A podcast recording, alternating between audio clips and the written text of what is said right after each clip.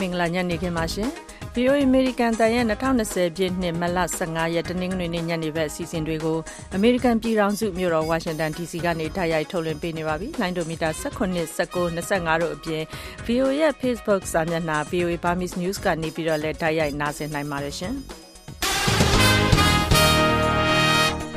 ကျမခွာညိုပါခုညနေခင်းစီစဉ်တွေတာဝန်ယူပါမယ်ရှင်။ မင်္ဂလာပါကျွန်တော်ရန်နိုင်မှာတနင်္ဂနွေနေ့ညနေခင်းသတင်းတွေကိုမတ်များသစင်အောင်နဲ့အတူကြီးညာပေးသွားမှာဖြစ်ပါတယ်။တောင်ကိုရီးယားနိုင်ငံမှာကိုရိုနာဗိုင်းရပ်စ်ကူးစက်မှုအဆိုးအဆုံးဖြစ်ခဲ့တဲ့ဒီရှေ့တောင်ပိုင်းကပြည်နယ်အများပြားကိုဘေးဒုက္ခအထူးဆုံးတွေဖြစ်နေတောင်ကိုရီးယားဆိုရကသတ်မှတ်လိုက်ပါတယ်။ဒီကမ္ဘာတော်မှာကိုရိုနာဗိုင်းရပ်စ်ကူးစက်မှုတွေပြန့်နှံ့နေချိန်မှာပဲထိုင်းမှာရှိတဲ့မြန်မာလူသမားတွေအနေနဲ့လည်းသတိနဲ့နေထိုင်ကြဖို့ကိုထိုင်းမှာရှိတဲ့မြန်မာတန်ယုံကကြီးညာချက်ထုတ်ပြန်လိုက်ပါတယ်။ဒီလိုထိတ်တန်းရောက်ဒေတာတွင်းနဲ့နိုင်ငံတကာသတင်းတွေကိုအခုညနေခင်းမှာကြားဖို့ရှိပါတယ်ဗျာ။ အခုညနေဆက်ပြီးနားဆင်ရမယ့်သတင်းလွှာတွေထဲမှာတော့မြန်မာပြည်တွင်းကူးစက်မြန်တဲ့အဆုတ်ရောင်ယောဂ COVID-19 ကူးစက်ပြန့်ပွားမှုကာကွယ်တားဆီးရေးသတိထားစောင့်ကြည့်နေတဲ့အကြောင်း positive ဟာကိုဆောင်ကြည့်မသိရသေးဘူးလေအချိန်ကြီးပြည်နေတယ်ပြည်နေပြည်လိုက်ပြင်တယ်ပြည်နေတယ်ဆိုတာကိုအကုန်လုံးဒါတော့ပြည်ချင်ထားမှာပေါ့အဲ့လိုကတော့ကိုယ်တိုင်ကတော့မရတာလေကုဆက်ယောဂတိုက်ဖြတ်ရေးဗဟုဌာနတာဝန်ရှိသူတူရဲ့ပြောပြချက်နဲ့တူနားဆင်နိုင်ပါတယ်ရခိုင်ပြည်နယ်မြောက်ပိုင်းနဲ့ချင်းပြည်နယ်ပလက်ဝမြို့ဝင်းကျင်မှာ တိုက်ပွဲတွေကြောင့်အစိုးရတိုက်ပွဲတွေအတွင်းအစိုးရတပ်ကလေကြောင်းတိုက်ခိုက်မှုမှာအရက်သား10ယောက်ထက်မနည်းသေဆုံးခဲ့တာနဲ့ကမ္ဘာပင်လယ်ရေမျက်နှာပြင်မြင့်တက်လာမှုကရှေ့လျားတဲ့ကာယိုရန်ရှိနေတဲ့မြန်မာနိုင်ငံပေါ်ဘလို့အကျိုးသက်ရောက်မှုရှိနေတယ်လဲဆိုတဲ့သတင်းလွှာတွေနားဆင်ရပါမယ်အခုရင်ဆုံးတော့တနင်္ဂနွေနေ့ညနေခင်းထိတ်တန်းရောက်နေတဲ့ဒေသတွေနဲ့နိုင်ငံတကာသတင်းတွေကိုကိုရန်နိုင်နဲ့မမြသစီအောင်တို့ပြောပြပါမယ်ရှင်။ တောင်ကိုရီးယားနိုင်ငံမှာ ကိုရိုနာဗိုင်းရပ်စ်ကူးစက်မှုအဆိုးဝါးဆုံးဖြစ်ခဲ့တဲ့ အရှေ့တောင်ပိုင်းက ပြည်နယ်အများအပြားကို ဘေးဒုက္ခအထူးဇုန်တွေအဖြစ်နဲ့ တောင်ကိုရီးယားအစိုးရက သတ်မှတ်လိုက်ပါတယ်။ဒီလိုသတ်မှတ်လိုက်တာကြောင့် အဲဒီပြည်နယ်တွေအနေနဲ့ ဘဏ္ဍာရေးအရ အထောက်အပံ့တွေနဲ့ ဘေးဒုက္ခကယ်ဆယ်ရေးအကူအညီတွေကို ရရှိစေမှာဖြစ်ပါတယ်။ပုံမှန်အားဖြင့်တော့ တိုင်ဖုန်းမုန်တိုင်းတွေ၊ရေကြီးတာတွေ စတဲ့ ဘေးဒုက္ခတွေကို ခံလိုက်ရတဲ့နေရာတွေကို အခုလို ဘေးဒုက္ခအထူးဇုန်တွေအဖြစ် သီးသန့်သတ်မှတ်တာဖြစ်ပါတယ်။တောင်ကိုရီးယားနိုင်ငံမှာ ကိုရိုနာဗိုင်းရပ်စ်ကူးစက်ခံရသူ စုစုပေါင်း ၈၁၀၀ ကျော်ရှိပါတယ်။ တချိန်တည်းမှာပဲ ကိုရိုနာဗိုင်းရပ်စ် ကူးစက်မှုကို ကာကွယ်တိုက်ဖျက်တဲ့အနေနဲ့ ကမ္ဘာ့နိုင်ငံအသီးသီးကလည်း နိုင်ငံတကာကနေ သူတို့နိုင်ငံတွင်းကို ရောက်လာကြတဲ့သူတွေကို သီးသန့်ခွဲထားတာတွေ လုပ်လာနေပါတယ်။သြစတြေးလျနိုင်ငံမှာတော့ သူတို့နိုင်ငံထဲကို ရောက်လာကြတဲ့သူတွေအနေနဲ့ ၁၄ ရက်ကြာ ဘယ်သူနဲ့မှ မတွေ့ဘဲ သီးသန့်ခွဲနေရမှာဖြစ်သလို ပြည်ပကနေလာတဲ့ အပျော်စီးသင်္ဘောတွေကိုလည်း ကမ်းကပ်ခွင့်ပေးမှာ မဟုတ်ဘူးဆိုပြီး ကြေညာလိုက်ပါတယ်။သြစတြေးလျနိုင်ငံက COVID-19 ကူးစက်ရောဂါ မပြန့်အောင် တားဆီးတဲ့အနေနဲ့ လုပ်တာဖြစ်တယ်လို့သြစတြေးလျဝန်ကြီးချုပ် Scott Morrison က ပြောပါတယ်။တချိန်တည်းမှာပဲ တရုတ်နိုင်ငံကလည်း ပြည်ပကနေ ကိုရိုနာဗိုင်းရပ်စ် ကူးစက်မှုတွေ ဝင်ရောက်လာမှာကို ကာကွယ်တဲ့အနေနဲ့ လာမယ့် တနင်္လာနေ့ကစပြီး နိုင်ငံတကာကနေ ဘေဂျင်းမြို့ကို ရောက်လာတဲ့သူတွေအနေနဲ့ တရုတ်အစိုးရကလုပ်ထားတဲ့ နေရာတွေမှာ ၁၄ ရက်ကြာ သီးသန့်ခွဲနေရမှာဖြစ်တယ်လို့ တရုတ်အစိုးရပိုင်သတင်းက ထုတ်ပြန်လိုက်ပါတယ်။ ဥရောပဘက်မှာဆိုရင်တော့ စပိန်နိုင်ငံကလည်း သူ့နိုင်ငံသားတွေကို တနေရာကနေ တနေရာမသွားဘဲ အိမ်ထဲမှာနေကြဖို့ တိုက်တွန်းလိုက်ပြီး ဒေသခံတွေအနေနဲ့ ဈေးဝယ်ဖို့၊ဆေးခန်းသွားဖို့၊အလုပ်သွားဖို့နဲ့ သက်ကြီးရွယ်အိုတွေကို ကူညီဖို့အတွက်ကိုပဲ အပြင်ထွက်ကြဖို့ ခွင့်ပြုထားပါတယ်။ပြင်သစ်နိုင်ငံမှာဆိုရင်လည်း ကမ္ဘာကျော် အီဖယ်မျှော်စင်ကြီးကို ပိတ်လိုက်ပြီးတခြားကမ္ဘာလှည့်ခရီးသွားတွေအသွားအလာများတဲ့နေရာတွေကိုလည်းပိတ်သွားမယ်လို့ပြောလိုက်ပါတယ်။အမေရိကန်ကလည်းဥရောပနိုင်ငံတွေကိုခရီးသွားလာမှုတွေပိတ်ပင်လိုက်သလိုအမေရိကန်ပြည်ထောင်စုထဲကတချို့စိုးရိမ်ရတဲ့နေရာတွေကိုလည်းခရီးသွားလာမှုတွေကန့်သတ်သွားဖို့စဉ်းစားနေတယ်လို့အမေရိကန်သမ္မတ Donald Trump ကစနေနေ့မှာပြောပါတယ်။ကမ္ဘာတဝန်းမှာကိုရိုနာဗိုင်းရပ်စ်ကူးစက်ခံထားရသူတသိန်းခွဲကျော်ရှိသွားပြီဖြစ်ပြီးသေဆုံးသူစုစုပေါင်းဟာ၅,၈၀၀ကျော်ရှိပါတယ်ခင်ဗျာ။ ဖိလစ်ပိုင်နိုင်ငံမှာ ကိုရိုနာဗိုင်းရပ်စ် ကူးစက်ပြန့်ပွားမှုကို ထိန်းချုပ်ဖို့အတွက် လူဦးရေ ၁၂ သန်းရှိတဲ့ မြို့တော် မနီလာမှာ အသွားအလာ အဝင်အထွက်တွေကို ပိတ်လိုက်ပါတယ်။ မြို့တော်ရဲ့အဓိကလမ်းမကြီးတွေကို ရဲတွေက ပိတ်ဆို့ထားသလို မနီလာမြို့ကို ပျံသန်းနေတဲ့ ပြည်တွင်း လေယာဉ်ခရီးစဉ်တွေကိုလည်း ဒီကနေ့ တနင်္ဂနွေ အစောပိုင်းကစပြီး တလကြာ ရပ်ဆိုင်းထားပါတယ်။လူစုလူဝေးပွဲတွေကို ဖျက်သိမ်းထားပြီး စာသင်ကျောင်းတွေကိုတော့ ဧပြီလ ၁၂ ရက်နေ့အထိ ပိတ်ထားတာပါ။ဖိလစ်ပိုင်နိုင်ငံမှာ ကိုရိုနာဗိုင်းရပ်စ်ပိုး ကူးစက်ခံရသူ ၁၁၁ ဦးရှိပြီး သေဆုံးသူ ၈ ဦးအထိ ရှိလာတဲ့အတွက် ရောဂါကူးစက်ပြန့်နှံ့မှုကို ကာကွယ်ထိန်းချုပ်နိုင်ဖို့ အခုလိုလှုံ့ဆော်တာ ဖြစ်ပါတယ်။ အခုလိုသွားလာတွေပိတ်ထားတယ်ဆိုပေမဲ့အလုဆင်းမှုလိုအပ်တဲ့သူတွေကိုတော့စစ်ဆေးရေးဂိတ်တွေမှာအစစ်ဆေးခံပြီးတော့သွားခွင့်ပြုထားပါတယ်။ကျန်တဲ့သူတွေကိုတော့အိမ်မှာပဲနေဖို့တိုက်တွန်းလိုတဲ့အကြောင်းပြည်ထောင်စုဝန်ကြီးအီဒွာဒိုအီနိုကမနေ့ကသတင်းတောက်တွေကိုပြောခဲ့ပါတယ်။အဝင်ထွက်ကတ်သက်ချက်တွေကိုဒီကနေ့တင်းနှင်းကနေကစပြီးတော့အသက်ဝင်မှာဖြစ်တဲ့အတွက်ဒီမတိုင်ခင်လူအတော်များများဟာမြို့ထဲကနေထွက်ခွာနေပါတယ်။ ဘတ်စကားနဲ့ရထားတွေကိုနေဆက်အထိပြေးဆွဲပေးနေပြီးလူတွေနေရာတိကျခွဲထိုင်နိုင်ဖို့အတွက်လူလျှော့တင်ဖို့အဖျားရှိတဲ့လူတွေကိုလိုက်ပါခွင့်မပြုဖို့သတိပေးထားပါတယ်။ဒါ့အပြင်ဖိလစ်ပိုင်နိုင်ငံကမြို့ပေါင်း16မြို့မှာညမထွက်ရအမိန့်ကိုမတ်လ15ရက်နေ့ကနေဧပြီလ14ရက်နေ့အထိသတ်မှတ်ထားပါတယ်။ ပြင်သစ်နိုင်ငံမှာ ကိုရိုနာဗိုင်းရပ်စ် ကူးစက်ပျံ့နှံ့မှုတွေ ဖြစ်နေတဲ့ကြားကပဲ ဒေသန္တရရွေးကောက်ပွဲတွေကို ဒီနေ့မှာ ကျင်းပသွားမှာဖြစ်ပြီး ပြင်သစ်နိုင်ငံသားတွေလည်း မဲပေးကြမှာဖြစ်ပါတယ်။ဒါပေမယ့်လည်း ဗိုင်းရပ်စ်ကူးစက်မှု အန္တရာယ်တွေကြောင့် မဲဆန္ဒရှင် အတော်များများလည်း မဲရုံတွေမှာသွားပြီး မဲမပေးဘဲနေဖို့ ရှိနေပါတယ်။ပြင်သစ်နိုင်ငံက မြို့တော်ဝန်တွေနဲ့ Municipal ကောင်စီအဖွဲ့ဝင် ထောင်ပေါင်းများစွာအတွက် ရွေးကောက်ပွဲကို နှစ်ကျော့ ကျင်းပသွားမှာ ဖြစ်ပါတယ်။ ပြင်သစ်သမ္မတ Emmanuel Macron ကတော့တကယ်လို့ရွေးကောက်ပွဲမဲပေးမှုတွေနောက်ကျနေမယ်ဆိုရင်တိုင်းပြည်ရဲ့ဒီမိုကရေစီရေးဆက်လက်ရှင်သန်နိုင်ဖို့အနှောင့်အယှက်တွေဖြစ်လာနိုင်တယ်လို့ပြောလိုက်ပါတယ်။ကိုရိုနာဗိုင်းရပ်စ်ကူးစက်မှုတွေကိုကာကွယ်တိုက်ဖျက်တဲ့အနေနဲ့ပြင်သစ်နိုင်ငံပဲရစ်မြို့မှာရှိတဲ့ကမ္ဘာကျော်အီဖယ်မျှော်စင်ကြီးနဲ့လူဗာပြတိုက်ကြီးကိုလည်းပိတ်လိုက်ပါတယ်။ဒါ့အပြင်စားသောက်ဆိုင်တွေ၊ရုပ်ရှင်ရုံတွေနဲ့မဖြစ်မနေဖွင့်ဖို့မလိုအပ်တဲ့ဈေးဆိုင်တွေလည်းဒီနေ့မှာပိတ်သွားမှာဖြစ်ပါတယ်။ ရွေးကောက်ပွဲ ဒုတိယအကျော့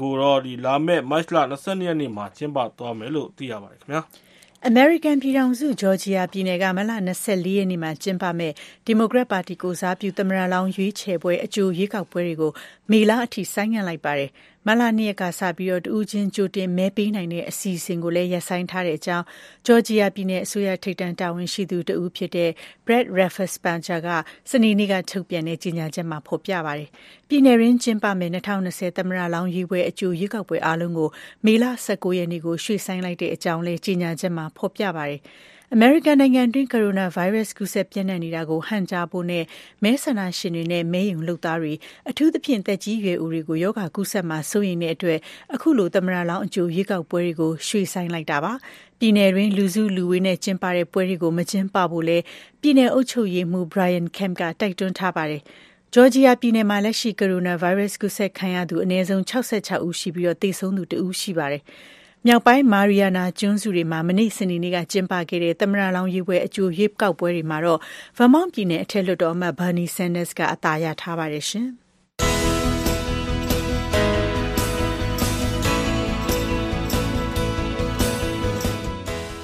VOA အမေရိကန်အသံ ညနေဘက် မြန်မာဘာသာအစီအစဉ်တွေကို ညနေ6နာရီခွဲကနေ ညနေ9နာရီထိ လိုင်းဒိုမီတာ7 kHz 10683 ည လိုင်းဒိုမီတာ19 kHz 15563 ည လိုက်ဒိုမီတာ25 kHz 11965တို့ကနေပြီးတော့ထုတ်လွှင့်ပေးနေပါတယ်ခင်ဗျာ။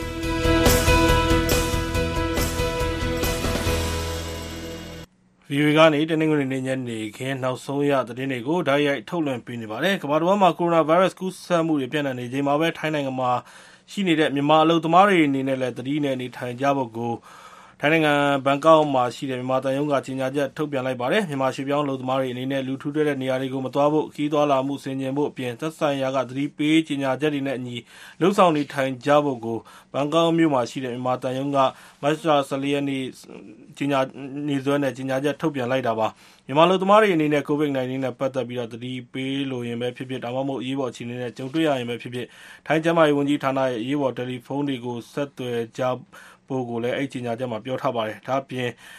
ထိုင်းမှာရှိတဲ့မြန်မာအလုပ်သမားသံအရာရှိကိုဆက်သွယ်ကြဖို့ကိုလည်းဖော်ပြထားပါတယ်။ထိုင်းနိုင်ငံမှာရောက်နေတဲ့မြန်မာအလုပ်သမားဆောင်ရွက်နေသူတွေကလည်း COVID-19 ရောဂါကူးစက်မခံရအောင်ကြိုတင်ကာကွယ်တဲ့အနေနဲ့ကျန်းမာရေးပညာပေးလုပ်ငန်းတွေ၊အရေးပေါ်ဖျားနာလာရင်မြန်မာသံရုံးအလုပ်သမားသံအရာရှိတွေကိုဆက်သွယ်ဖို့နဲ့နောက်အလုပ်သမားရေးလှုပ်ရှားနေတဲ့အဖွဲ့တွေကိုဆက်သွယ်ကြဖို့လိုက်လံနှိုးဆော်နေတယ်လို့ အလုပ်သမားရေးလှုပ်ရှားနေတဲ့ မသက်သက်ဦးက ဗွီအိုအေမြန်မာပိုင်းကို ပြောထားပါတယ်။မြန်မာနိုင်ငံက ကျန်းမာရေးဌာနကလည်း ကိုရီးယားနဲ့ တရုတ်နိုင်ငံတွေကို ၁၄ ရက်အတွင်း ခရီးသွားထားသူတွေ မြန်မာနိုင်ငံတွင်းကို ဝင်ခွင့်မပြုကြောင်း မတ်လ ၁၅ ရက် ဒီနေ့နေ့စွဲနဲ့ ထုတ်ပြန်ထားပါတယ်။ဒါ့အပြင် အီတလီ၊အီရန်၊ပြင်သစ်၊စပိန်နဲ့ ဂျာမနီနိုင်ငံက လာတဲ့သူတွေကိုတော့ ၁၄ ရက်ကြာ သီးသန့်ခွဲထားမယ်လို့ ပြောဆိုထားပါတယ်ခင်ဗျာ။ ထိုင်းနိုင်ငံအတွင်းနှေးကွေးပေမယ့် ပုံမှန်တိုးတက်မှုရှိနေတဲ့ စီးပွားရေးအခြေအနေတွေကြားမှာ ဒီနှစ်ပိုင်းအတွင်း ဆင်းရဲမွဲတေမှုနှုန်း မြင့်တက်လာတယ်လို့ ကမ္ဘာ့ဘဏ်ကထုတ်ပြန်တဲ့ အစီရင်ခံစာအသစ်တစောင်မှာ ဖော်ပြပါတယ်။အရှေ့တောင်အာရှမှာ စီးပွားဖွံ့ဖြိုးမှု ဒုတိယအကြီးဆုံးမှာရှိနေတဲ့ ထိုင်းနိုင်ငံမှာ ဆင်းရဲချမ်းသာကွာဟမှုကြား ဆင်းရဲမွဲတေမှုနှုန်းက ၂၀၁၅ ကနေ ၂၀၁၈ အတွင်းမှာ9.2ရာခိုင်နှုန်းကနေ9.8ရာခိုင်နှုန်းထိ မြင့်တက်လာတဲ့အကြောင်း အစီရင်ခံစာမှာ ဖော်ပြထားတာပါ အခုလိုစင်းရဲမွေးတည်မှုနှုန်း တိုးလာရတာဟာ ပြီးခဲ့တဲ့နှစ်က ကျင်းပခဲ့တဲ့ ထိုင်းနိုင်ငံ ရွေးကောက်ပွဲတွေနဲ့ဓာတ်ရိုက်သက်ဆိုင်တယ်လို့ လေ့လာသုံးသပ်သူတွေက ဆိုပါတယ်2014ခုနှစ်က စစ်တပ်အာဏာသိမ်းပြီးတဲ့နောက်ပိုင်းနဲ့ အခု လက်ရှိ ဝန်ကြီးချုပ်ပရာယွတ်ချန်နိုချာလက်ထက်မှာ အာဏာနဲ့ ကြွယ်ဝမှုကို ဦးစားပေးလာတယ်လို့လည်း တချို့သုံးသပ်သူတွေက ရှုမြင်ကြပါတယ် ဒါအပြင် နိုင်ငံရေး ပဋိပက္ခတွေနဲ့ စီးပွားရေး တိုးတက်မှုနှုန်း နှီးကွေးတာ မိုးခေါင်ရေရှား ပြဿနာတွေ ကြီးလက်လေသမားတွေ ဝင်ငွေကျဆင်းလာတာ မြို့ပြစီးပွားရေးလုပ်ငန်းတွေ ကျဆင်းတာ စတဲ့ အချက်တွေကြောင့်လဲစင်းရဲမွေးတည်မှုနှုန်း မြင့်တက်လာတယ်လို့ ကမ္ဘာ့ဘဏ်က အစီရင်ခံစာမှာ ဖော်ပြထားပါတယ် ကမ္ဘာမှာ ရေနံတင်ပို့မှု အများဆုံးနိုင်ငံတွေထဲကတစ်ခုဖြစ်တဲ့ Saudi Arabia နိုင်ငံက သူတို့ရဲ့ ရေနံစိမ်းထုတ်လုပ်မှုကို သိသိသာသာ တိုးမြှင့်ပြီးတော့ဧပြီလအတွင်းမှာ တနေ့ကို ရေနံစိမ်းစီ10တန်းလောက် ထိတိုးသွားဖို့အတွက် ပြင်ဆင်နေပါတယ်။ကမ္ဘာ့ရေနံတင်ပို့တဲ့ နိုင်ငံများအဖွဲ့ OPEC နဲ့ ရုရှားနိုင်ငံကြား ရေနံထုတ်လုပ်မှုကို ကန့်သတ်ထားတဲ့ သဘောတူညီမှု ပျက်သွားပြီးတဲ့နောက် ဆော်ဒီနိုင်ငံဘက်က အခုလို ရေနံစိမ်းထုတ်လုပ်မှုတွေကို တိုးမြှင့်လုပ်ဆောင်လာတာဖြစ်တယ်လို့ သတင်းရင်းမြစ်နှစ်ခုက Reuters ကို ဒီနေ့မှာ ပြောပါတယ်။ OPEC အဖွဲ့နဲ့ အဖွဲ့ဝင်မဟုတ်တဲ့ နိုင်ငံတွေကြားမှာရှိတဲ့ လက်ရှိရှိနေတဲ့ သဘောတူညီမှု မတ်လအကုန်မှာ ကုန်ဆုံးတဲ့အခါမှာ သူတို့ရဲ့ ရေနံစိမ်းထုတ်လုပ်မှုကို တိုးမြှင့်သွားမှာဖြစ်တယ်လို့ ဆော်ဒီနိုင်ငံရဲ့ အစိုးရပိုင် Aramco ကုမ္ပဏီက ပြောပါတယ်။ OPEC အဖွဲ့နဲ့ ရုရှားကြားမှာရှိတဲ့ ဒီသဘောတူညီချက် သောကြာနေ့က ပျက်သွားပြီးတဲ့နောက် Aramco ကုမ္ပဏီက လာမယ့် ဧပြီလအတွက် ကမ္ဘာတဝန်းကို ရောင်းချမယ့် သူတို့ရဲ့ ရေနံစိမ်းအားလုံးရဲ့ တရားဝင်ဈေးတွေကို စနေနေ့မှာ လျှော့ချလိုက်တဲ့အတွက်လည်းလောင်စာဈေးတွေ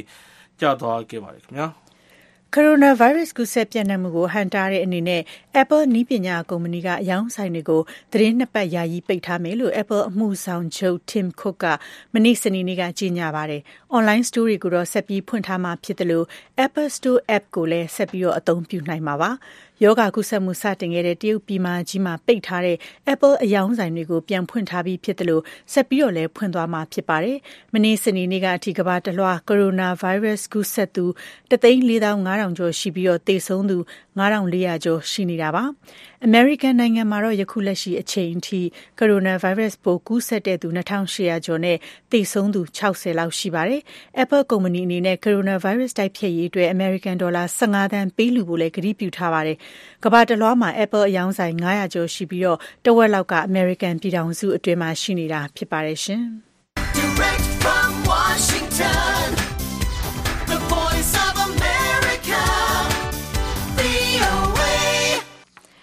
တနင်္ဂနွေနေ့ညနေခင်းထိပ်တန်းရောက်နေတဲ့ဒေသတွင်းနဲ့နိုင်ငံတကာသတင်းတွေကိုကိုရန်နိုင်နဲ့မမြသစေအောင်တို့ပြောပြပေးခဲ့ကြတာပါရှင်။ VOA အမေရိကန်တန်ရဲ့ညနေခင်းစီစဉ်တွေကိုအမေရိကန်ပြည်ထောင်စုမြို့တော်ဝါရှင်တန် DC ကနေတိုက်ရိုက်ထုတ်လွှင့်ပေးနေတာဖြစ်ပါတယ်။အခုဆက်ပြီးနားဆင်ကြရမယ့်သတင်းလွှာတွေထဲမှာတော့မြန်မာပြည်ထဲမှာကိုရိုနာဗိုင်းရပ်စ်ကူးစက်မှုတားဆီးကာကွယ်ရေးပြင်ဆင်ထားတဲ့အခြေအနေကိုသိကြရမှာပါရှင်။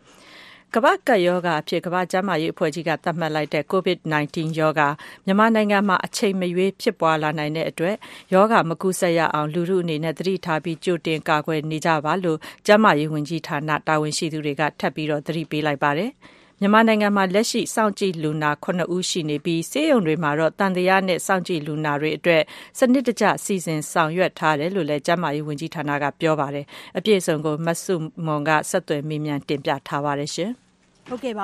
တ်ကဲ့ပါတရုတ်နိုင်ငံဝူဟန်ကနေတဆင့်ကမ္ဘာတဝန်းကူးစက်ပြန့်နှံ့ခဲ့တဲ့ WHO ကမ္ဘာ့ကျန်းမာရေးအဖွဲ့ကြီးကကမ္ဘာလုံးဆိုင်ရာအရေးပေါ်ကျန်းမာရေးအခြေအနေဖြစ်လာလို့ကမ္ဘာ့ကပ်ရောဂါအဖြစ်သတ်မှတ်လိုက်တဲ့ဒီ COVID-19 ကိုရိုနာဗိုင်းရပ်စ်ကြောင့်ဒီသီတင်းပတ်ကုန်ထိဆိုရင်ကမ္ဘာတဝန်းသေဆုံးသူပေါင်းက9,400ကျော်နဲ့ကမ္ဘာတဝန်းနိုင်ငံအသီးသီးမှာကူးစက်ပြန့်ပွားသူပေါင်းကတသိန်းခွဲဝန်းကျင်အထိရှိသွားပြီဖြစ်ပါတယ်။ မြန်မာနိုင်ငံမှာတော့ တရားဝင်ကူးစက်သူ တဦးတယောက်မှ မရှိသေးပေမဲ့လို့ အချိန်မရွေး ကူးစက်ရောဂါ အန္တရာယ် ဖြစ်ပွားလာနိုင်တယ်ဆိုပြီးတော့ မြန်မာနိုင်ငံ ကျန်းမာရေးနဲ့ အားကစားဝန်ကြီးဌာနက သတိပေးနှိုးဆော်နေတာပါ အများပြည်သူလူထုအနေနဲ့ ဒီကိုရိုနာဗိုင်းရပ်စ်ပိုး မကူးစက်ခံရအောင်တတိထားနေထိုင်ကြဖို့နဲ့ ကျန်းမာရေးဝန်ကြီးဌာနနဲ့သတင်းဌာနတွေကသတင်းတွေကိုအချိန်နဲ့တပြေးညီစောင့်ကြည့်နားဆွင့်ဖို့သတင်းမှားတွေကိုမယုံကြည်ဖို့သတိပေးလိုပါတယ်လို့ကျန်းမာရေးဝန်ကြီးဌာနဗဟိုကူးစက်မှုတိုက်ဖျက်ရေးဌာနဒုတိယညွှန်ကြားရေးမှူးဒေါက်တာခင်ခင်ကြီးက VOA မြန်မာပိုင်းကိုပြောပါတယ်။ positive မကုန်ဆောင်ကြည့်မသိရသေးလို့မျိုးအချိန်ကြီးတွေ့နိုင်တယ်တွေ့ရင်ကြည့်လိုက်ပြန်လည်းတွေ့နိုင်တယ်ဆိုတာကိုအကုန်လုံးဒါတော့ပြည့်စုံထားမှာပေါ့အဲ့လိုမှတော့ကိုယ်တိုင်ကတော့မရတာတွေတော့ ရှိလာခဲ့ရင်ဆိုတော့အဲ့ဒီအနေထားကအကုန်လုံးပြည့်စုံထားရှိပါတယ်ဒီလိုမျိုးကျန်းမာရေးအားကြောင့်ဒီဌာနဒီပေါင်းဆောင်ရဖို့ရပါတယ်ဒီလိုဆောင်ရနေတာဆိုတာကအားလုံးဒီသားအားလုံးနဲ့ဆိုင်ပါတယ်ဒီလိုတိုင်းပြည်ပြည်သားအားလုံးနဲ့ဆိုင်ပါတယ်ဒါမျိုးရဲ့အရေးကိစ္စဖြစ်တယ်ဆိုတာကိုကောင်းတာအားဆုံးလို့ရရင်ကြီးပြီးကျန်းမာရေးအားဆောက်ရေးဌာနက လမ်းညွှန်ထားချက်တွေကိုအတိအကျလိုက်နာပြီးလုပ်ပါတယ်။အများပြည်သူသွားလာတဲ့နေရာတွေ၊အများသုံးယာဉ်တွေနဲ့ တည်းခိုတဲ့နေရာ၊စားသောက်ဆိုင်တွေ၊ဈေးတန်းတွေမှာ လူထုကို ကျန်းမာရေးပညာပေး အသိပညာပေးနေသလို လူထုအနေနဲ့လည်း ဒီဗိုင်းရပ်စ်ရောဂါ ကူးစက်မခံရအောင် သတိထားနေထိုင်ကြပါလို့ ကျန်းမာရေးပညာရှင်တွေက သတိပေးနေပါတယ်။ဧရာဝတီတိုင်း ကျန်းမာရေးဦးစီးဌာနရဲ့ ဒုတိယညွှန်ကြားရေးမှူးချုပ် ဒေါက်တာသန်းထွဋ်အောင်က အခုလိုပြောပါတယ်။“အဲဒါတွေကကျနော်တို့ဇန်နဝါရီ ၅ ရက်ကတည်းက အများကြီးလုပ်တယ်။လူထုပညာပေးတာတွေရော ဘတ်စ်ကားမှာကြေညာတာတွေရောအများကြီးလုပ်ခဲ့ပြီ။အဓိကတော့ဓါတ်ပုံစံလိုက်နာဖို့လိုတာပေါ့နော်။ကျန်းမာရေးဌာနရဲ့လမ်းညွှန်ချက်ကိုလိုက်နာဖို့လိုတယ်လို့နောက်ကကိုဗစ်အတွက်ကအဓိကအရေးကြီးတာကတော့နံပါတ်၁ကလက်ဆေးတာပဲ။နောက်ပြီးတော့ဖျားနာချောင်းဆိုးတဲ့လူတွေအပြင် Mask တပ်ထားဖို့လိုတယ်။နောက်ပြီးတော့တအားကြီးလည်းကြောက်ပြီးတော့မှအကုန်လုံးပစ္စည်းတွေအများကြီးဝယ်တာတွေလည်းမလုပ်သင့်ပါဘူး မတ်လ၁၅ရက်နေ့နောက်ဆုံးစာရင်းအရတော့မြန်မာနိုင်ငံမှာသံသယလူနာတဦးတယောက်မှမရှိဘဲစောင့်ကြည့်လူနာ၇ဦးပဲရှိနေပြီးကူးစက်ခံရနိုင်ခြေရှိတယ်ဆိုပြီးသံသယနဲ့စောင့်ကြည့်လူနာတွေထားရှိမယ့်ဆေးရုံတွေကိုလည်းစနစ်တကျစီစဉ်ထားရှိပါတယ်လို့ဗဟိုကူးစက်မှုတိုက်ဖျက်ရေးဌာနဒုတိယညွှန်ကြားရေးမှူးဒေါက်တာခင်ခင်ကြီးကပြောပါတယ်။၇ယောက်ရှိနေပါပြီ။အခုထိအခုထိညနေပိုင်းမဟုတ်ဘူးအခုထိ။ကျမတို့အနေနဲ့ကတော့ကျမတို့ဒီလေးပါးကြီးရယ်၊ကျန်တာမဒီရ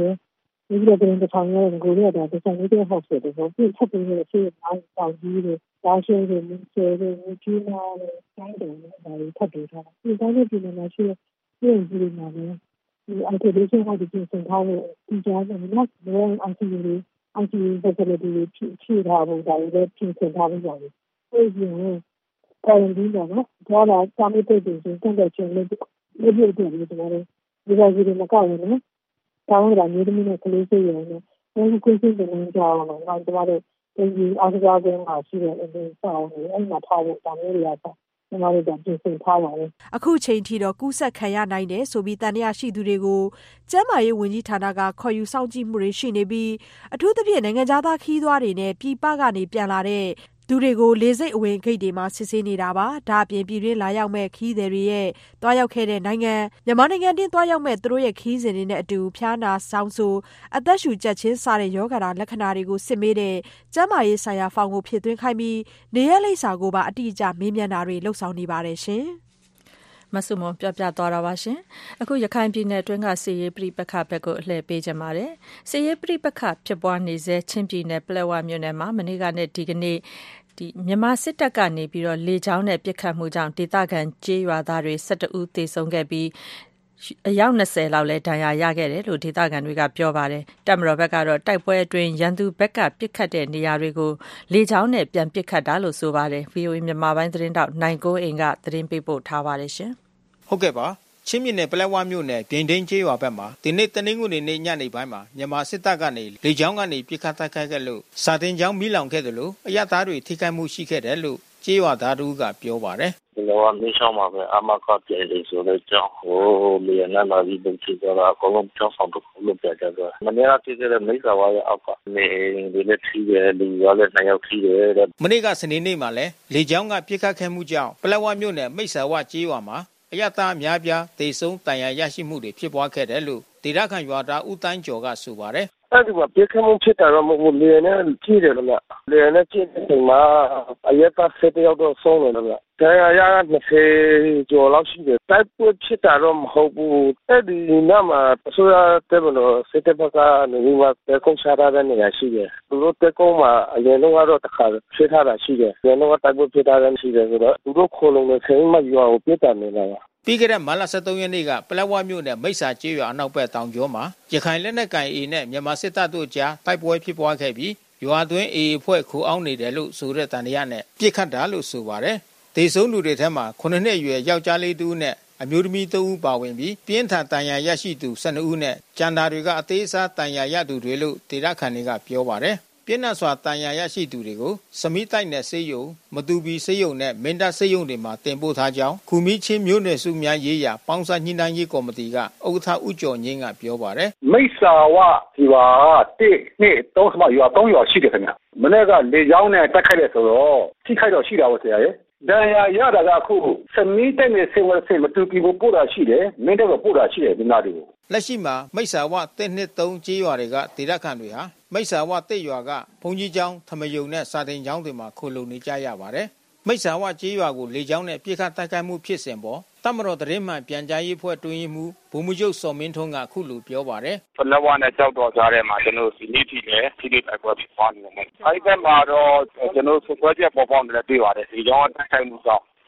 သေဆုံးတယ် ဘာညာဆိုပြီး ပြောနေတာရှိတယ် ကျနော်တို့။ရပ်ရွာတွေကို အကြောင်းမဲ့ ပစ်ခတ်လေ့ ပြစ်ခတ်တာရှိအဲတို့တော့မလွဲမသွေ ရန်သူကပြစ်ခတ်လာပြီးဆိုတော့ ကျွန်တော်တို့ သူတို့ပြစ်ခတ်တဲ့နေရာတော့ပြန်တော့ပြီးဆောင်းရမှာဖြစ်တယ်တို့တော့ဒီကြောင်းတိုက်ခိုက်မှုဆိုတာကတော့ ကျွန်တော်ပုံပြီးသိကြပါတယ်ကြောင်းမဲ့တိုက်ခိုက်ရလည်းကြောင်းမရှိရန်သူတည်းမရဘဲနဲ့ကျွန်တော်တိုက်ခိုက်ရကြောင်းမရှိဘူးဟုတ်ကဲ့ရခိုင်လက်နက်ကန်ဖွဲ့ ပြောခွင့်ရခိုင်တုခကတော့ မနေ့က မိတ်ဆာဝရွာဘက်မှာ သူတို့အဖွဲ့နဲ့ တိုက်ပွဲဖြစ်ပွားတာ မရှိဘူးလို့ ပြောပါတယ် စီရေးပြိပကတွင်အရသားတွေပေါ်ဥတီတိုက်ခိုက်နေတဲ့လို့ရဟာလူခုရေးကိုကျူးလွန်တာလို့ချင်းလူခုရေးဖွဲ့ရဲ့ဒရိုက်တာကိုတေးရာကပြောပါတယ် တင်တဲ့ဒီဒီကိုအဲ့လိုဒီခိုက်ပြေဆုံးဆိုတော့ဆိုတော့တကယ်ကိုအာဆိုဆိုရောရောဆိုကိုရချိုးဖို့ဘူးပဲပေါ့နော်ဒါမချစ်ချစ်မချစ်ထိုင်ရပဲချင်းမြနယ်ပလက်ဝမြို့နယ်ကျေးရွာ၃ခုကချင်းတိုင်းသား၁၁ဦးလေကြောင်းတိုက်ခိုက်မှုအတွင်းဒေဆုံးမှုနဲ့ပတ်သက်ပြီးဘူမီချင်းမြို့နယ်စုများရေးရာပေါင်းစပ်ညှိနှိုင်းရေးကောင်စီကတုံ့လုံ၆ချပြီးကန့်ကွက်ရှုတ်ချကြောင်းဒီကနေ့တနင်္ဂနွေနေ့မှာကြေညာချက်တရထုတ်ပြန်ထားပါတယ် ချင်းပြည်နယ်ပလက်ဝနဲ့ ရခိုင်ပြည်နယ်မြောက်ပိုင်းဒေသမှာ မြန်မာစစ်တပ်နဲ့ ရခိုင်လက်နက်ကိုင်အေဖွဲ့တို့ တိုက်ပွဲပြင်းထန်ဖြစ်ပွားနေတယ်လို့ပြစ်ခတ်မှုဖြစ်စဉ်တွင်အရသားတွေ ထိခိုက်ဒေဆုံးတန်ရာရရှိမှုတွေကလည်း များပြားနေပါတယ်။မလ23ရက်နေ့တောက်ကြနေ့မှာ ရခိုင်ပြည်နယ်ကြောက်တုံနဲ့ မြောက်ဦးမြို့နယ်တွင်စေယုံ စစ်ဘေးရှောင် ဒုက္ခသည်စခန်းနဲ့ ကျေးရွာတချို့မှာ လက်နက်ကြီး လက်နက်ငယ်တွေနဲ့ပြစ်ခတ်တိုက်ခိုက်ခံရလို့ လူ ၄ ဦးသေဆုံးပြီး30ကျော်တန်ရာရရှိခဲ့ပါတယ်။တမတော်ဘက်ကတော့ ကျေးရွာတွေမှာ ရွာသားတွေ မရှိတော့ဘဲ အေအေဖွဲ့ကခိုအောင်းနေလို့ပြစ်ခတ်တာဖြစ်တယ်လို့ပြောပါတယ်ခင်ဗျာချင်းပြည်နယ်ဘလဝမြို့နယ်မှာလေချောင်းကနေတိုက်ခိုက်ခဲ့တဲ့အတွက်အရက်သား17ယောက်သေဆုံးခဲ့တဲ့အကြောင်းနိုင်ကိုဝင်ကစုံစမ်းတင်ပြသွားတာပါရှင်အခုတဘာဝပတ်ဝန်းကျင်ထိမ့်သိမ်းကာကွယ်ရေးဆိုင်ရာသတင်းလွှာတစ်ပုဒ်ကိုအလှည့်ပေးချင်ပါတယ်ကမ္ဘာအပူချိန်မြင့်တက်လာတာနဲ့အမျှဝင်ရိုးစွန်းကရေခဲလွှာတွေဟာခတ်မှန်းထားတာတဲ့3ဆပို့ပြီးတော့အရေးပျော်လာနေပြီးတော့ ဒီပင်လယ်သမုဒ္ဒရာတွေထဲမှာ စီးဝင်နေတာကြောင့် လူဦးရေတန်းနဲ့ချီတဲ့ ကမ္ဘာမြို့ကြီး17မြို့ ရေအောက်ကို တဖြည်းဖြည်းချင်း ကျွံကျလာနေပါတယ်။အခုလို ပင်လယ်ရေမျက်နှာပြင် မြင့်တက်လာနေတာဟာ လူမှုရေး စီးပွားရေးနဲ့ လမ်းပန်းဆက်သွယ်ရေးတွေကိုပါ ထိခိုက်စေပါတယ်။အခုလို ကမ္ဘာတဝန်း အတူကြုံတွေ့ ရင်ဆိုင်နေကြရတဲ့ ရာသီဥတု ပြောင်းလဲဖောက်ပြန်မှုရဲ့ ဘုံအန်ဒီယကိုဘလို့ပူပေါင်း တိုက်ပြတ်ကြမလဲဆိုတဲ့ဒီတပ်ပတ်ဝန်းကျင်အရေး လှုပ်ရှားသူတွေရဲ့ ပြောဆို ဆွေးနွေးနေကြတာတွေနဲ့တစ်ချိန်တည်းမှာပဲရှေ့လျားတဲ့ပင်လယ်ကမ်းရိုးတန်းရှိရာမြန်မာနိုင်ငံအနေနဲ့လည်းပင်လယ်ရေမြင့်တက်မှုကိုအများနည်းတူရင်ဆိုင်နေကြရပါတယ်ဒီအကြောင်းကိုတော့နန်းလောင်ကတင်ပြထားပါတယ်ရှင်ကမ္ဘာလေထုတဲ့ကာဗွန်ဒိုင်အောက်ဆိုက်တန်ကပရီတိတ်သေးပြီးတော့အပူချိန်မြင့်တက်လာရကဝီယိုဆွန်းကရေခဲတောင်တွေအရေးပြောပြီးပင်လယ်ရင်မျက်နှာပြင်တွေမြင့်တက်လာနေပါတယ်ဥရုယာဒီပြောင်းလဲမှုအကျိုးဆက်တွေကတော့ကုန်းမြေပေါ်ကချောင်းတွေမြောင်းတွေရေကန်တွေခန်းချောက်လာပြီးမြေစီလွှာတွေကစိုးထိုင်းစာတွေလည်းနဲလာတာပါဝင်ပါတယ် ဒီအခြေအနေတွေကိုတကဘာလုံးရင်ဆိုင်ကြရတာချင်းအတူတူစီးရဲနွမ်းပါတဲ့နိုင်ငံတွေကပိုးပြီးတော့အထိနာပါတယ်ကုလသမဂ္ဂအတွင်းရေးမှူးချုပ်အန်တိုနီယိုဂူတရက်စ်ကလည်းမနစ်ဒီဇင်ဘာလကစပိန်နိုင်ငံမှာကျင်းပတဲ့ဥတုရာသီပြောင်းလဲမှုဆိုင်ရာကုလသမဂ္ဂညီလာခံ COP25 အဖွဲ့မိန့်ခွန်းမှာအခုလိုသတိပေးပြောဆိုသွားပါတယ် And Antarctica is melting three times as fast as a decade ago. Ocean levels are rising quicker than expected. လွန်ခဲ့တဲ့10နှစ်ကထက်ဆိုင်သုံးဆနှုန်းနဲ့အေးပြောလာနေပါတယ်။ပင်လယ်ရေမျက်နှာပြင်တွေလည်းခံမှန်းထားတဲ့ထက်ပိုပြီးတော့မြင့်တက်လာနေပါတယ်။ကျွန်တော်တို့ရဲ့စီးပွားရေးလုပ်ငန်းကြီးတွေတည်ရှိရာ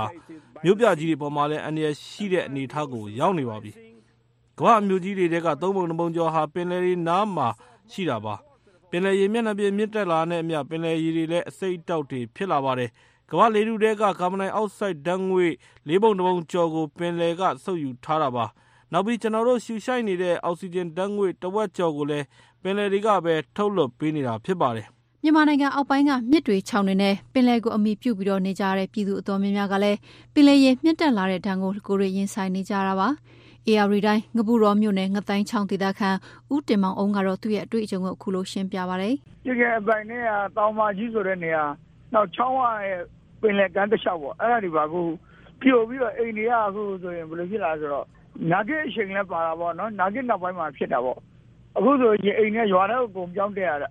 အောက်တောင်ဆိုတဲ့နေရာမှာသိမနေနိုင်တော့ဘူးအဲ့လိုပဲပြောရမလားဒါပေမဲ့တောင်တွေပြိုသွားလို့ကျွန်တော်မြင်တာလက်ရှိကတော့တောင်တွေပြိုတာပဲမှားတယ်ဟိုနေ့မှာပင်လယ်ကမ်းခြေမှာအမိပြုပြီးတော့နေတဲ့အိမ်နှန်းတွေပေါ့အဲ့အိမ်နှန်းတွေကအကြမ်းလိုက်တွေကို ဟိုလမ်းတွေမှာရေအောက်ကိုရောက်ကုန်တယ်လေရေရက်ပါသွားကြတယ်တနုဖြူနဲ့9မိုင်အကွာလောက်ကတပြုတ်ကျေးရွာမှာနေတဲ့မနီနီမော်ကလည်းရေတက်လာတဲ့ဒဏ်ကိုနှစ်တိုင်းလိုလိုရင်ဆိုင်နေရတယ်လို့အခုလိုပြောပါတယ်။ဖာမြင်ဝါတပြန်မြင်ဝါတပြန်ကြော်ကြော်လောက်မြင့်နေအဲ့ကဘာကိုနွေးရသည်ဆိုရင်ရေကဘာကြီးကအောက်ကိုရေရအောက်ကိုကြာကြီးဖြစ်နေတယ်မွေးရကြရင်ကဘာကိုတိုက်အောင်နှုတ်လိုက်အဲ့ရွာရေကတအားတက်လာတဲ့အခါမှာရွာပေါ်ရေတက်လာတဲ့အခါကြီးလည်းရှိတယ်။ရေတက်လာတဲ့အခါမှာအန်ဒီရတော့ရှိတယ်ဒါပေမဲ့ရွာလုံးတော့မြုပ်မသွားဘူး ပင်လယ်ရေတွေမြင့်တက်မှုနဲ့ပတ်သက်ပြီးတော့မြန်မာတာဝန်ရှိသူတွေဘက်ကပြည်သူလူထုကိုအသိပညာပေးမှုတွေနဲ့ပတ်သက်ပြီးအားမလို့အားမရဖြစ်နေတဲ့ AR တိုင်းနာဦးတင်မောင်အောင်ကတော့အခုလိုအကြံပြုပါတယ်ကျွန်တော်တို့အခုအရသားတွေအနေနဲ့ကတော့ပို့ဝင်လင်းလင်းပြောရင်ရေမြင့်လာတာလည်းဘယ်သူမှမသိဘူးဟိုဒါပေမဲ့တခုကျွန်တော်သိနေရတော့ကျွန်တော်ရှိမှမြင်နေရတဲ့ကမ်းတွေပြိုသွားတာပဲမြင်ရတယ်အိမ်တွေရွှေ့ပြောင်းပြီးတော့ဟိုဒီကုန်းပေါ်ဘက်ကိုတက်ရတယ်အဲ့ဒါတွေတော့ပဲမြင်တယ်ဆိုတော့ကျွန်တော်တို့ဖြစ်စေချင်တာကတော့ အစိုးရအနေနဲ့ကလည်းဒီရေဟာမြင့်တက်လာရင်မြင့်တက်လာတယ်လို့ကျွန်တော်တို့တာမန်ရသားတွေကိုအသိပေးသတိပေးပညာပေးဖို့တော့လိုအပ်တယ်လို့ကျွန်တော်ထင်ပါတယ်ကမ္ဘာအပူချိန်တိုးလာတာနဲ့အမျှပင်လယ်ရေမြင့်တက်လာတဲ့တန်းကြောင့်မြေနိမ့်ပိုင်းမှာရှိနေကြတဲ့လူဦးရေတန်းချီရှိတဲ့ကမ္ဘာမြို့ကြီး၁၁မြို့လဲမြေအောက်ဘက်ကိုတဖြည်းဖြည်းကျွန်းဆင်းလာနေတာပါ။အဲ့ဒီမြို့ကြီးတွေကတော့ဂျကာတာ၊လေဂိုစ်၊ဟူစတန်၊ဒါကာ၊ဗင်နစ်၊ဗာဂျီးနီးယားဘစ်ချ်၊ဘန်ကောက်၊နယူးအော်လန်၊ရိုတတမ်နဲ့အလက်ဇန်ဒရီးယားမြို့တွေဖြစ်ပါတယ်။ ဥရုရာသီပြောင်းလဲမှုနဲ့ပတ်သက်ပြီးတော့သက်ဆိုင်ရာအစိုးရတွေအနေနဲ့အရေးယူဆောင်ရွက်မှုချက်ချင်းမလုပ်ဘူးဆိုရင်တော့အခြေအနေတွေထိထက်ဆိုးလာဖို့ပဲရှိတယ်လို့လည်းဥတုရာသီအရေးလှုပ်ရှားသူတွေကတတိပေးနေကြတာလည်းဖြစ်ပါတယ်ရှင်။ပင်လယ်ရေမြင့်တက်လာနေတာကြောင့်မြမကန်ယူရန်မှာဘလို့တက်ရောက်မှုရှိသလဲဆိုတဲ့အကြောင်းနှမ်းလောင်ပြောပြသွားတာပါရှင်။ နောက်နှစ်နာရီကြာမှထုတ်လွှင့်ပေးမယ့် ညပိုင်းအစီအစဉ်တွေမှာတော့ ထိတ်တန်းရောက်နေတဲ့ ဒေသတွင်းနဲ့ နိုင်ငံတကာ သတင်းတွေ သတင်းဆောင်ပါတွေအပြင် မြမအရေး ဆွေးနွေးကန်သတင်းစာဆရာစီသူအောင်မြင့်ရဲ့ ပြည်တွင်းသတင်းသုံးသပ်ချက် မြမပြည်ကပေးစာ ထူးခြား စံပြသတင်းများ စတဲ့ သတင်းပတ်စဉ်ကဏ္ဍတွေကို နားဆင်ကြရဖို့ ရှိပါတယ်ရှင်။လိုင်းဒိုမီတာ25 kHz 1165လိုင်းဒိုမီတာ32 kHz 9393ညနဲ့လိုင်းဒိုမီတာ51 kHz 985ပထမနိုင်ဝက်မှာ လိုက်လက်မီတာ190 kHz 1595တို့ကနေ နားဆင်နိုင်ပါတယ် အခုတနင်္ဂနွေနေ့ညနေခင်းထိတ်တန်းရောက်နေတဲ့သတင်းအချင်းချုပ်ကိုကိုရန်နိုင်ပြောပြပေးပါမယ်ရှင်။တောင်ကိုရီးယားနိုင်ငံမှာကိုရိုနာဗိုင်းရပ်စ်ကူးစက်မှုအဆိုးအဝါဆုံးဖြစ်နေတဲ့အရှေ့တောင်ပိုင်းကပြည်နယ်အများအပြားကိုဘေးဒုက္ခအထူးဇုံတွေအဖြစ်နဲ့တောင်ကိုရီးယားအစိုးရကသတ်မှတ်လိုက်ပါတယ်။ဒီလိုသတ်မှတ်လိုက်တာကြောင့်အဲဒီပြည်နယ်တွေအနေနဲ့ဘဏ္ဍာရေးအရအထောက်အပံ့တွေနဲ့ဘေးဒုက္ခကယ်ဆယ်ရေးအကူအညီတွေကိုရရှိစေမှာလည်းဖြစ်ပါတယ်။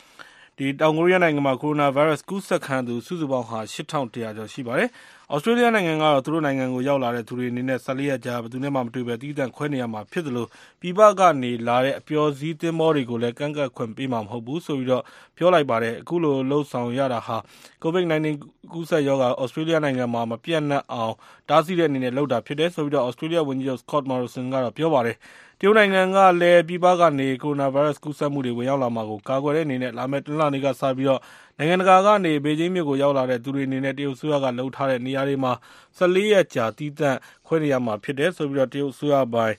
သတင်းက ကြေညာပါတယ်။ကိုရိုနာဗိုင်းရပ်စ် ကူးစက်ခံထားရသူဟာ ကမ္ဘာတဝှမ်းမှာတသိန်းခွဲကျော်ရှိသွားပြီဖြစ်ပြီး စုစုပေါင်း သေဆုံးသူကတော့ ၅,၈၀၀ ကျော်ရှိပါတယ်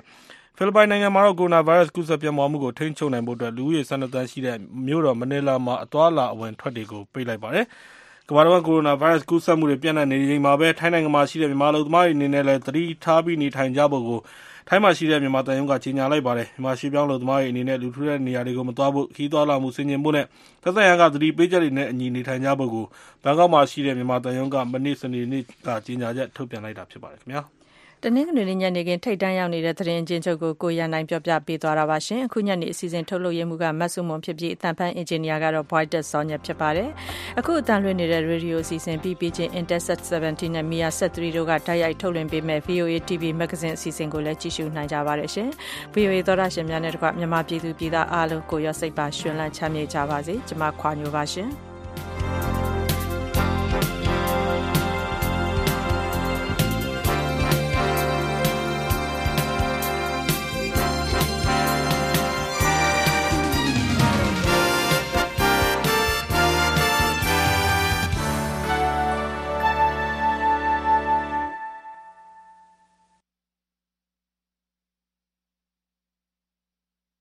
This program has come to you from the Voice of America, Washington.